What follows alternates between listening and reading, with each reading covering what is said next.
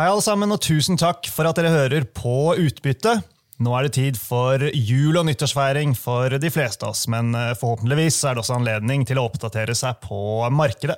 Derfor har vi laget fem spesialepisoder til dere som tar for seg utsiktene for 2024 med ulike tematikker og gjester. Og episodene de vil komme med noen dagers mellomrom fram til 4. januar. Og Først ut er eh, aksjestrateg Paul Harper og eh, oljemarkedsanalytiker Helge André Martinsen. Og som dere sikkert har gjettet allerede, skal vi oppsummere året som har gått i aksje- og oljemarkedet, og høre hvordan de vurderer mulighetene for året som kommer. Kan aksjemarkedet overraske positivt nok en gang, og hvor stor joker er oljeprisen?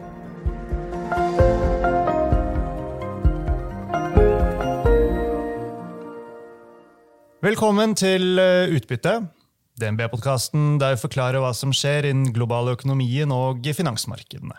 Jeg er Marius Brun Haugen, og med meg har jeg altså Pål og Helge. Det er eh, godt å ha dere her. Velkommen, karer. Tusen takk. Takk for det. Ikke lett å finne tid i denne førjulsstria Når vi sitter her, så er det mandag 18. desember. Men eh, vi skal prøve å løfte blikket såpass at det kortsiktige ikke skal ha så all verdens å si.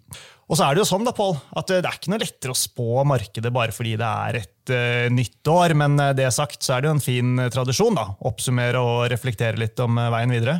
Ja da, Det sies at det alltid er vanskelig å spå, spesielt om fremtiden. Så det er jo en, en utfordring vi har rundt denne årstiden hvert år. Ja, jeg har fått ferske resultater fra Investortempen, som er vår faste spørreundersøkelse om hvordan de aktive privatinvestorene som handler aksjer via oss her i DNB, vurderer markedsutsikten. Den viser at andelen investorer som venter positiv avkastning i globale aksjer de neste tolv månedene, altså 2024, er på det høyeste nivået noensinne siden vi startet denne målingen i september i 2022. Det støtter jo opp om det inntrykket jeg har fått i høst, eh, hvor vi har vært mye på farten og ute og snakket med kunder. Altså, det er mange som er positive. Eh, det er en del optimisme i markedet, og det får vi ta med oss da inn i det nye året. Ja, og Det er jo litt kontrast til hvordan ting så ut eh, for et år siden, hvor det var generelt sett ganske negativt sentiment. Så man kan ta, ta, det to veier. Den ene er at liksom, viljen til å eh, investere er eh, tydeligvis eh, litt bedre nå enn det var tidligere. Men på den andre siden, hvis, hvis, alle er optimister i dag, så er det ikke kanskje like lett å overraske positivt i, året vi har foran oss, enn, en det det var for et år siden. Nei, Det er et godt poeng, det, men det må ikke være en sånn kontrær indikator. Det kan også være at optimisme altså avler optimisme. Men prisingen da, Pål? Altså, hvordan er prisingen av norske og globale aksjer nå? Er vi på den dyre siden?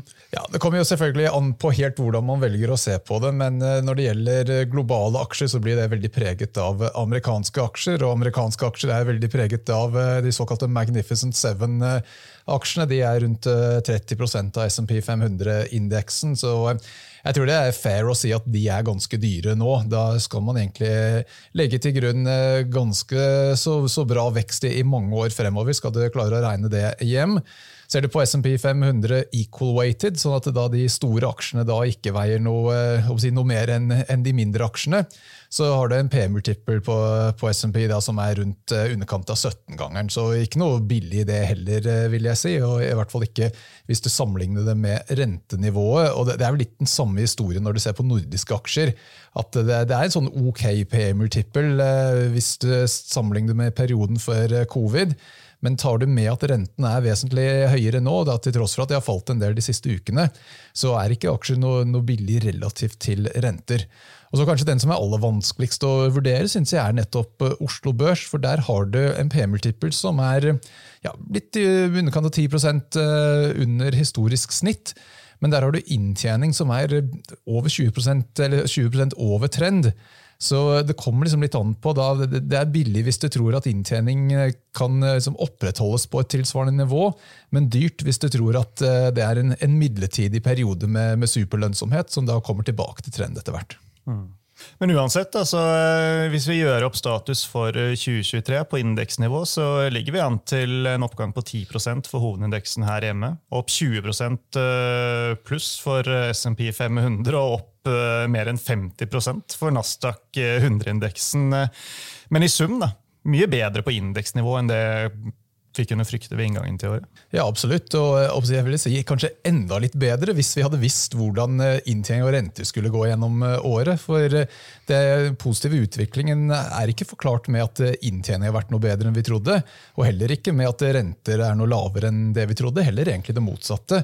For Når du ser på Oslo Børs, så er 2023 EPS nå rundt 25% lavere enn det vi trodde skulle være for et år siden. Ser du på eh, indeksen i USA, som har gått eh, en god del bedre, så er inntjening der omtrent på samme nivå. Det er litt ned på SMP 500. Nadstak er mer sånn flatt, men til og med det er faktisk helt marginalt eh, ned. Så det har egentlig kombinasjon lavere inntjening, høyere renter, men allikevel, selv om det rent matematisk skulle si at aksjer skulle ha gitt negativ avkastning i år, så har det allikevel fått en, en positiv utvikling. Mm.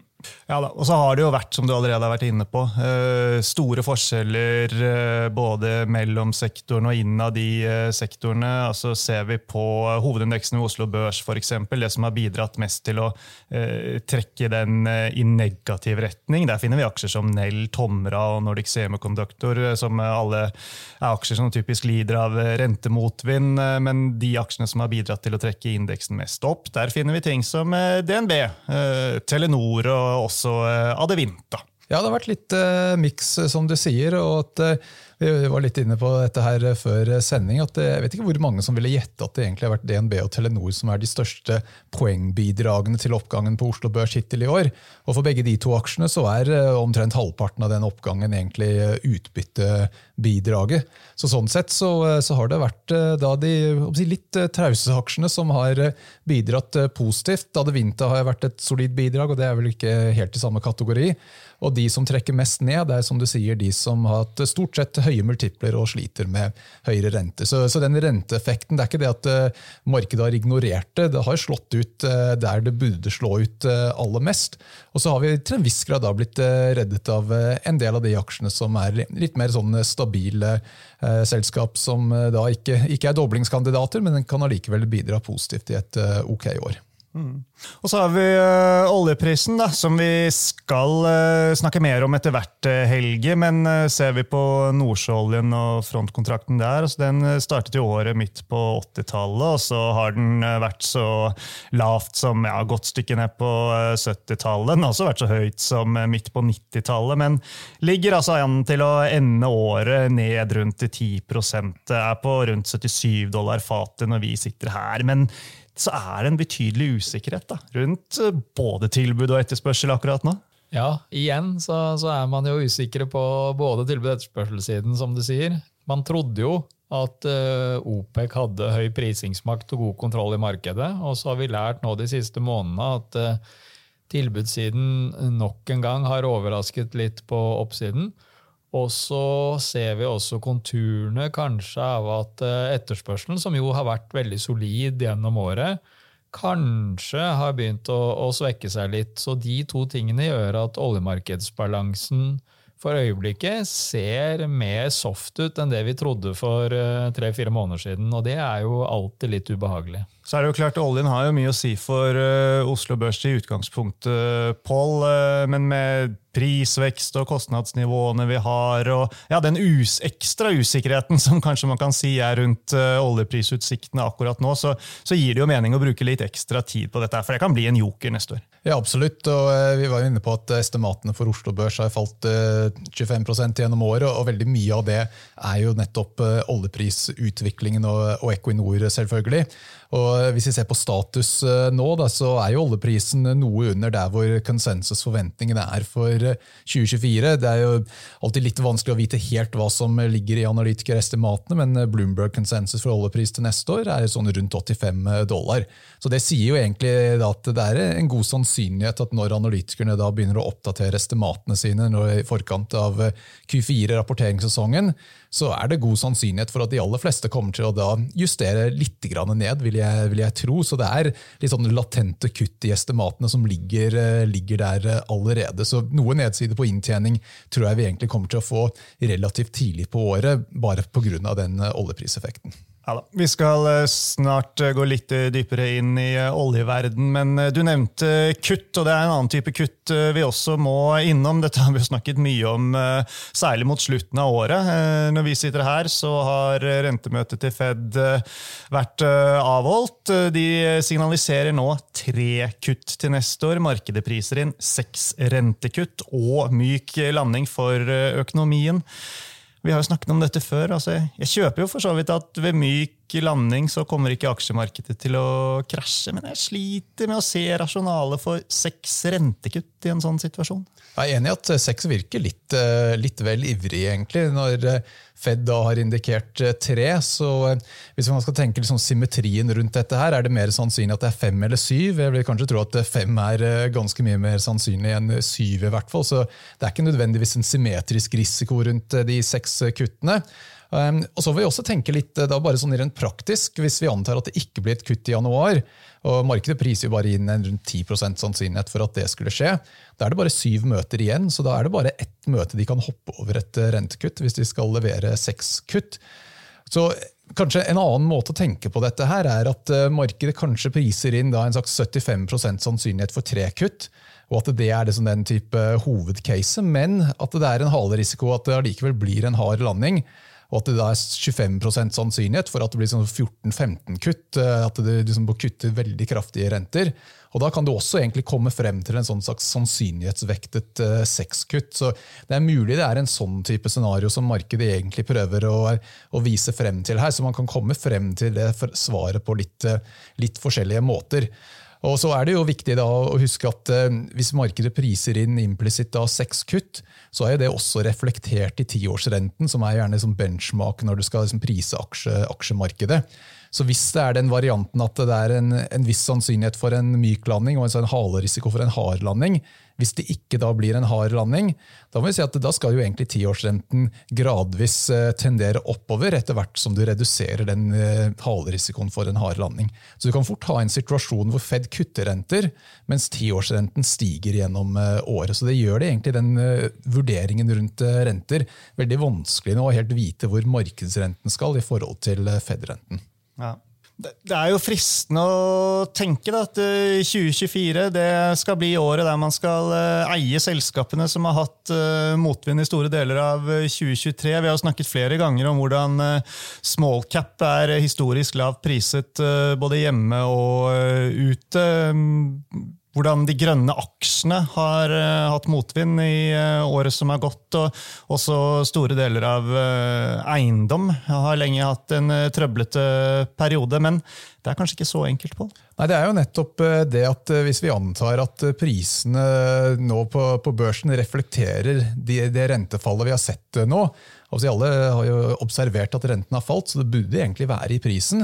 Så er spørsmålet egentlig om rentene skal falle ytterligere, eller om eh, de eventuelt skal eh, korrigere noe oppover eh, igjen. Så det er det at Man skal hele tiden tenke på hva er endringen heller enn nivået, når man skal tenke på hvordan priser skal utvikle seg. Og Da er det jo viktig å også se at det, ja, det er nettopp den type aksjen som har gjort det veldig sterkt nå de siste seks ukene mens eh, renten har falt. Så jeg føler på, på et vis at det, det, er ikke så enkelt å si at ja, hvis du tror at Fed skal kutte renter, da, da skal man eie de rentesensitive aksjene. Det, det, kan godt hende da får man en situasjon hvor Fed kutter, men tiårsrenten beveger seg oppover, nettopp fordi at det da kanskje blir tre kutt og ikke seks da, da, har den, eh, da, har den, bevegelsen egentlig allerede skjedd, og da er det litt for sent å, å begynne å se på de. Mm. Men selskapenes uh, inntjening uh, En risikofaktor for uh, 2024, helt klart. Men blir det nødvendigvis så ille, da? Altså, er det ikke en del sånn type kostnadsinflasjon som viser tegn til å avta osv.? Ja, altså, jeg tror Så lenge det er noenlunde bra vekst i økonomien, så blir det ikke noe, noe bråstopp i inntjening. Men akkurat det med inflasjon er jo også litt sånn interessant eh, sak. fordi at eh, Inflasjon eh, slår jo litt sånn gradvis inn i kostnader, og gjerne at den kostnadseffekten tar litt lengre tid å komme inn i, regnskapet enn det du har på topplinjen. Så som Prosessen blir gjerne det at selskapene setter prisene opp, Men så får du en eh, lønnsforhandling da året etter, for det skjer gjerne bare én gang i året. og Tilsvarende sånn eh, type KPI-justering på eh, husleie osv. Det skjer gjerne med et års etterslep. Så først så får du en marginekspansjon når prisene stiger, og så kommer marginene ned igjen etter hvert som de kostnadene filtrerer inn i, inn i regnskapet. Så det at du antageligvis får et solid lønnsoppgjør også til neste år, Alt annet likt så skal jo det egentlig presse marginene noe ned, med tanke på at det at inflasjonen faller, er jo egentlig det samme som å si at selskapene mister litt av den prisingsmakten. De klarer ikke å sette prisen opp like fort som tidligere.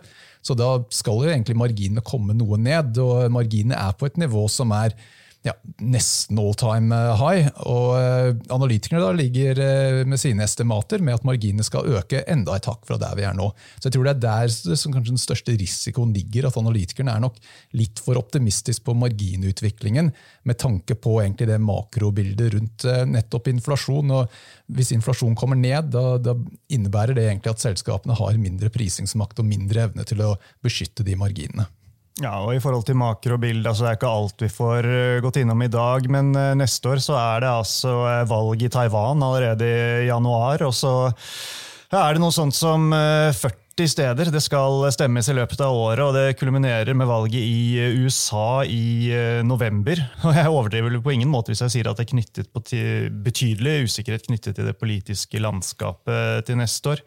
Men det behøver vel ikke å bety at det nødvendigvis får store konsekvenser for markedet. I hvert fall ikke det korte bildet, og det korte bildet er her 2024. Altså, ofte så er det sånn at politikken har en kort, kortvarig effekt på markedet, og så går det over relativt fort. Men eh, akkurat denne gangen så Eh, tror jeg, selv om det er veldig fristende å si at det neste valget er det viktigste noensinne, så tror jeg akkurat eh, når det gjelder USA denne gangen, så er dette her noe mer eh, viktig enn det ofte er. At her kan det være veldig store utslag, litt ettersom hvilken vei det viser seg at dette går til slutt.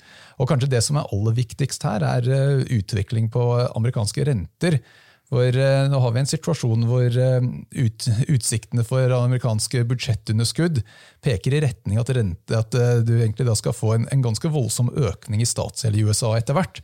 Og så er det kanskje en, en liten halerisiko her, at hvis Trump skulle vinne, og han da annonserer massevis av skattekutt, at rentemarkedet reagerer negativt på dette her og sier at skal du begynne å kutte skattene uten at det har noen måte å dekke det inn på, da skal vi ikke være villige til å låne penger til eh, USA til 4% Kanskje skal si at det er 6-7 og Da kan det liksom plutselig skape en del eh, panikk. og Det høres kanskje litt sånn eh, usannsynlig ut, men du trenger ikke å dra lenger enn til Storbritannia, hvor nettopp det skjedde i fjor. Hvor de da kom med et budsjett som var basert på skattekutt uten at det var noe ordentlig inndekning. og Da gikk plutselig Storbritannias eh, statsrenter i taket, og sentralbanken måtte på banen til å få kontroll på det igjen. Mm. Trump eller Biden, eh, Helge, vil det kunne få betydning for eh, oljeprisen? Definitivt. Du har jo på en måte hva skal vi si, det innenrikspolitiske i USA i forhold til deres produksjon og konsum.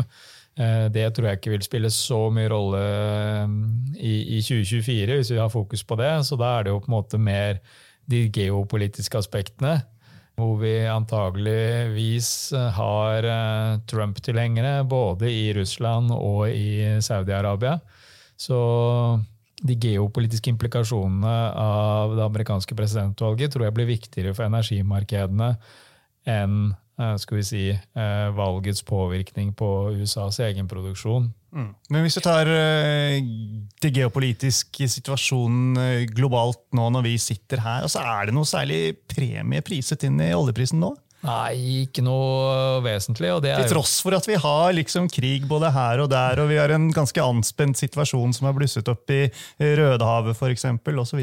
Ja, og hvis vi tar Russland-situasjonen først, da, så er det sånn at eh, man ser at eh, vestlige politikere er pragmatiske. Man ønsker egentlig ikke å strupe Russlands eh, energieksport. Og, og, og, det er jo på en måte en konsekvens av det at du ikke har noe geopolitisk premium basert på Russland-Ukraina-krigen. Og så kom jo da situasjonen med Israel-Hamas, og der var vi en veldig tydelig utgangspunktet på at det i seg selv er en, liksom en lokal konflikt, mm. Eh, og som har potensial til å eskalere Eh, men, men, i utgangspunktet så, så, er det sånn at eh, vi tror ikke oljemarkedsbalansen at the end of the day kommer til å påvirkes av den konflikten. Men så ser vi ikke sant, konturene av økt spenning generelt i, i Midtøsten. Og hvis vi tror vi kommer til å få tilbudsforstyrrelser i oljemarkedet, så er det nettopp gjennom proxy-aktivitet fra Iran, altså houthiene primært, da, som går etter enten, som vi ser nå, shipping, eller som det er gjort tidligere, saudi-arabisk oljeinfrastruktur. Eh, og da kan det påvirke. Men det vi skal huske, er at eh, vi snakket om rentekutt, men vi har jo hatt noen andre som har kuttet også gjennom 2023, eh, og det er OPEC, som medfører også at vi har mer ledig kapasitet og mer buffer i markedet. Og da er markedet ikke så villig til å legge risikopremie inn i markedet, fordi at vi har da kapasitet til å håndtere mindre tilbudsforstyrrelser. Mm. Men altså, eh, Saudi-Arabia altså, de, er, de er ikke nødvendigvis kjempefornøyd med USA heller. Altså, hva, hva, betyr det inn i forhold til liksom, oljeprisen og, og det som skjer? Nei, altså Man kan lage mye konspirasjonsteorier rundt her, eh, og det skal vi være litt forsiktige med. Men det vi på en måte kan se i det geopolitiske landskapet, er jo at de oljeproduserende landene har jo på en måte blitt mer sammensveiset. Hvis vi ser på OPEC pluss, så er det jo en, en, drøye 20 land med i det samarbeidet. Og, og ingen av de scorer vel høyt på uh, skal si, skal si vestlige vestlige demokratiske mm, mm. målestokker. Så, så, de på en måte finner sammen. Og vi ser også at eh, Brasil går inn med observatørstatus i, i OPEC pluss. Så de ønsker å brede ut sin si, makt. Og det er ikke bare jeg tror ikke man skal se på OPEC pluss som en ren, eh, bare en ren oljemakt, men jeg tror det altså veves inn i det geopolitiske bildet som er eh, hvor OPEC pluss blir på en måte en sånn liksom blokk mot Vesten og konsumentlandene. på en måte. Mm. Men hvor sterkt uh, står OPEC pluss uh, og samarbeidet nå? Det virker som de ikke helt fikk til det de ønsket, da, i, forhold til siste OPEC-møte og, og produksjonskuttene de har annonsert. Det er helt riktig. og Hvis vi bare spoler litt tilbake, her, da, så gjorde de egentlig eh, en del kutt nå i sommer, og hvor Saudi-Arabia la på et tilleggskutt på en million fat. Og så så det ut som det skulle lykkes. Oljemarkedet ble strammet seg vesentlig til. Oljelagrene trakk kraftig ned gjennom sommeren inn i høsten. Eh, oljeprisen tikket oppover, bikket 90 dollar. Og det så ut som OPEC egentlig hadde en sånn, altså hadde oljemarkedet i en jernhånd og kunne bare holde markedet undersupplied, lene seg tilbake, se på prisene tikke oppover og egentlig begynne å slippe olje tilbake i markedet når de var fornøyd. Men så har jo den dynamikken endret seg ganske betydelig de siste månedene. Markedsbalansen plutselig har blitt mye svakere enn det man eh, forutså. Eh, det skyldes litt, eh, som vi var inne på tidligere, litt mer oljeproduksjon i, i ulike deler av verden. Brasil, Irak, ikke minst USA. Og så ser kanskje til etterspørselssiden litt mer shaky ut, så, så har gjort at oljemarkedsbalansen da har svekket seg. Og som du var inne på nå, OPEC måtte kutte igjen. Det var jo utgangspunktet en overraskelse. Vi, vi, trodde, og de selv trodde, at de hadde markedet i jerngrep. markedsbalansen svekket seg, oljelagerne begynte å bygge, Oljeprisen falt, og de måtte gjøre et nytt kutt på møtet 30.11. Og som du er inne på, det ble et kutt som OPEC selv eh, hevdet de var fornøyd med. og Ser man på pressemeldingen, så står det at de kutter 2,2 millioner fat per, eh, per dag for første kvartal. Eh, og det er jo, jo OPEC-matematikk. Da må du ha lang utdannelse i OPEC-matematikk for å få til å komme til det tallet. Men hvis vi ser da på realitetene og hvor mye vi tror produksjonen skal falle fra dagens nivå, så er det ikke mer da enn litt under 400 000 fat per dag. Og, og vi legger spesielt merke til at Saudi-Arabia ikke kutter mer. De hadde et sånn tilleggskutt i andre halvår som de mer formaliserer inn men, kutt, men, produksjonen til Saudi-Arabia kommer til å fortsette på 9 millioner fat per dag inn i Q1, sånn som de gjorde i eh, andre halvår. Og det er en indikasjon på at de kanskje begynner å nå litt sånn smertegrensen mm. på hva de er villige til å kutte. Er det det at uh, USA, som du nevnte, produserer mer skiferolje, som har kommet litt sånn på toppen som et sånn lite sånn siste stikk inn til ja, altså, OPEC Skiferoljen har jo vært OPECs eh, nemesis nå i, ti år.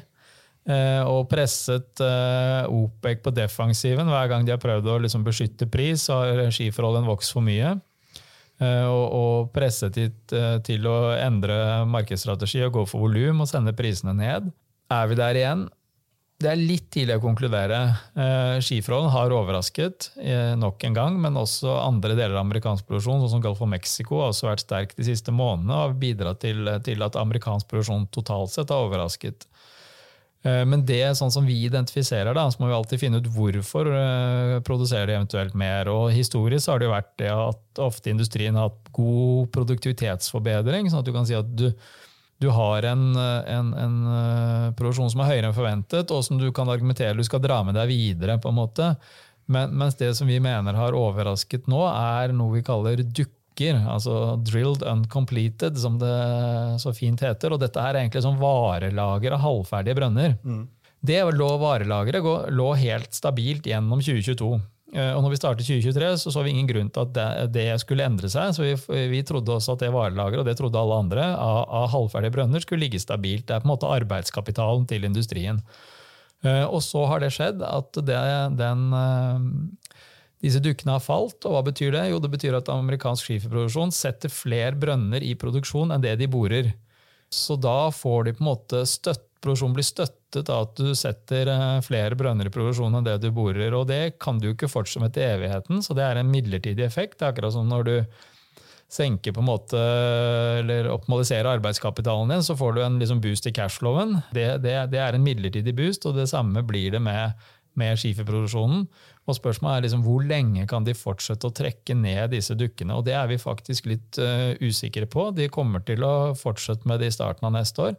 Men disse dukkene er da hele forklaringen på hvorfor amerikansk skiferolje har overrasket i år. Så det er en midlertidig effekt. Hvor midlertidig den er, lengden på det, er vi usikre på. Eh, men det er i hvert fall en, si, en, en, fattig trøst at det ikke er en strukturell eh, drevet eh, overraskelse, men vi kan kalle det mer av syklisk midlertidig karakter. Så nå har vi snakket mye om tilbudssiden, men så har vi jo etterspørselssiden, da, som kanskje på mange måter er en enda mer black blackbox, eh, hvis vi skal si det på godt eh, norsk. Hva ser dere der? Altså, bortsett fra at økonomien går jo fortsatt sånn tålelig greit. da. Ja, Det er viktig det du er inne på der, når du kaller det black box. og Det man skal være klar over, er at oljeetterspørselsdata. Eh, det er dårlig datakvalitet i mange deler av verden, og det kommer også med store tidsforsinkelser. Så Det betyr at eh, hvis vi tror um, oljeetterspørselen begynner å svekke seg nå, så vet du det kanskje egentlig ikke du, før du kanskje nærmer deg slutten av første kvartal eller går inn i andre kvartal neste år. Men vi syns vi ser konturene av litt svakere etterspørsel. Det være i Kina, som har på en måte vært på bekymringslisten over tid. Eh, vi ser det i Vest-Afrika, og vi ser tendenser til det i Europa. Ehm, og det totalt sett gjør at det er ikke noe dramatikk, men, men eh, der hvor estimatene på oljeetterspørselen stort sett har blitt revidert opp gjennom året i år, så ser vi nå konturene at vi kanskje etterspørselen er noe svakere enn det man tror for øyeblikket. Mm. Og så er spørsmålet da, Paul, I hvilken grad uh, aksjeinvestorene har tatt uh, dette inn over seg? Altså, energiindeksen uh, i Norge er jo flat for året. energiindeksen i SMP 500 er ned 5 Nå er vel ikke disse tallene justert for utbytte, da, som det jo har kommet betydelig av hos en del av selskapene, riktignok?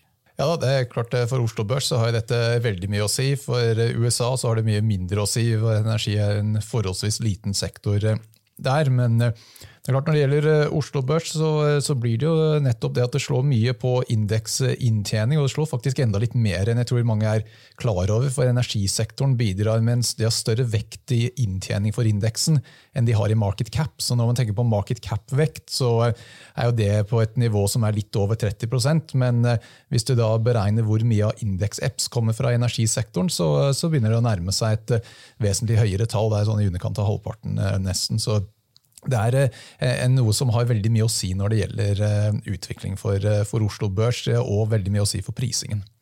Men sånn kort fortalt, Helge, oppsummert, altså Er risikoen på opp- eller nedsiden for oljeprisen inn i 2024? Nei, det jeg skal ikke fyre av en nyttårsrakett, men jeg vil i hvert fall sende liksom et sånt litt mer skal vi kalle det et skremmeskudd, et lite stjerneskudd. Og det er at uh, man trodde at OPEC hadde veldig god kontroll på nedsiden i oljemarkedet. sånn at man kunne tenke seg at de satt gulvet, og så var det på en måte oppsidepotensialet. Uh, og det er jo mer et behagelig uh, tematisk man skal, hvis man skal investere i energi. Det man skal være klar over nå, er jo at OPEC har blitt presset bakover til å kutte mer fordi markedsbalansen er svak. Og risiko nå er hvis oljemarkedsbalansen svekker seg ytterligere, og at de ikke på en måte lykkes med det kuttet de gjennomførte, som vi snakket om nå, 30.11., som gjelder for første kvartal. Og at når de møtes neste gang, at de må gjøre enda et kutt. Da begynner man kanskje å nå et punkt hvor de begynner å klø seg litt i skjegget og tenke hm, kanskje vi heller må gå for markedsandel og, og, og, gå for volum istedenfor å prøve å beskytte pris. Eh, og det er på en måte det som gjør at eh, utfallsrommet eh, på oljepris er mye mer vektet mot nedsiden nå, kontra det vi trodde for noen måneder siden. Så liksom risk reward-bildet i oljemarkedet har, har, endret seg en god del. Ja, Pål. Hvilke tanker gjør det deg om å eie oljeaksjer og uh, ja, oljeserviceaksjer i en sånn setting?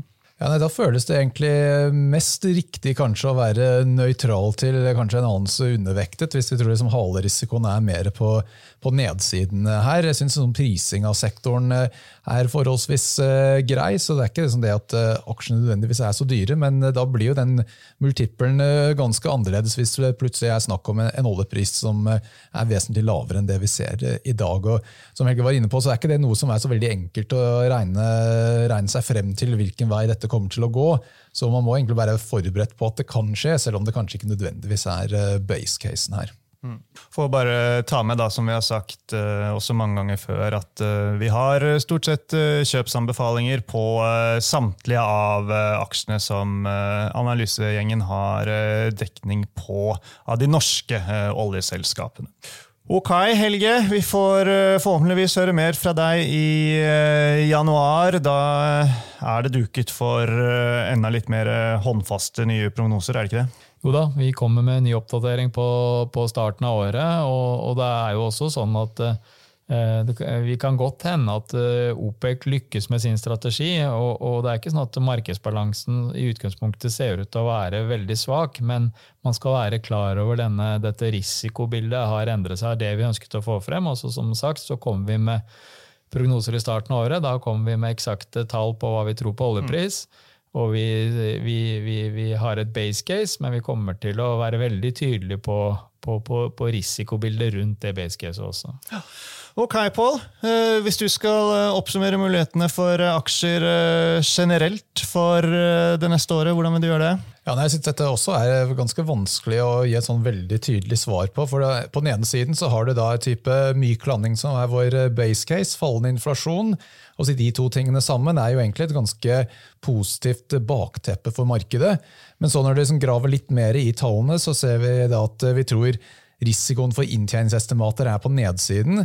Når det gjelder renter, så er det sånn at markedet har tatt de såpass hardt nå at det er ikke sikkert at uh, markedsrenten egentlig skal falle noe særlig. Så kombinasjonen fallende inntjening, eller i hvert fall nedjustering på inntjeningsestimater, og rente som kanskje går mer sidelengs enn uh, noe annet, gjør det ikke at det er sånn veldig lett å bli så positiv, synes jeg, når prising i markedet generelt allerede er relativt eh, høyt. Så Vi kom unna med det i år, med estimater ned og, renter opp. så Da har liksom i løpet av de siste tolv månedene markedet blitt eh, enda et hakk dyrere. og Kan absolutt ikke utelukke at det skjer enda en gang. At liksom det mer generell positivt sentiment gjør at et dyrt marked blir enda dyrere. Så det er fullt mulig. Men eh, det er litt det hvor hvor fremoverlent skal man egentlig tørre å være når det fundamentale ser egentlig litt svakt ut, syns jeg, på i hvert fall eh, lengre sikt. Mm. Det får bli eh, det siste ordet for i dag, så da gjenstår det bare å si eh, tusen takk til dere begge for at dere tok dere tid, og sist, men ikke minst, tusen takk, folkens, til alle dere som hørte på. Ha en riktig god jul!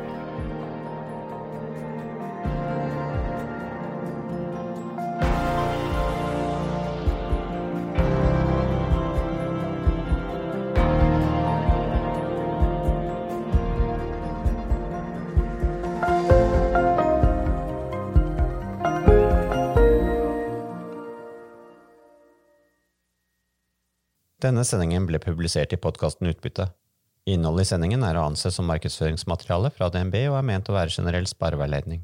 Sendingen skal ikke oppfattes som et tilbud om å kjøpe eller selge finansielle instrumenter, eller som investeringsrådgivning tilpasset den enkelte investors situasjon. En investor som har behov for råd eller har spørsmål om informasjon som gis, bør kontakte en finansrådgiver. DNB påtar seg ikke noe ansvar verken for direkte eller indirekte tap som følge av innholdet i sendingen legges til grunn for eventuelle investeringsbeslutninger. Husk at historisk avkastning aldri er noe garanti for fremtidig avkastning. Avkastningen kan bli negativ som følge av kurstap. Bruk av prognoser for å beregne fremtidig avkastning er heller ingen garanti for fremtidig avkastning. Innholdet i sendingen bygger på informasjon fra offentlig tilgjengelige kilder som DNB ser på som pålitelige, men som ikke er uavhengig verifisert. Følgelig gir DNB ingen garanti i forhold til nøyaktighet og fullstendighet. Alle uttalelser her reflekterer DNBs, den enkelte ansatte, eller andre tredjeparts vurderinger på tidspunktet for den aktuelle sendingen, og kan i ettertid endres uten nærmere beskjed. Ytterligere informasjon om bl.a. kildebruk og interessekonflikter er tilgjengelig på dnb.no skråstrek invest disclaimer.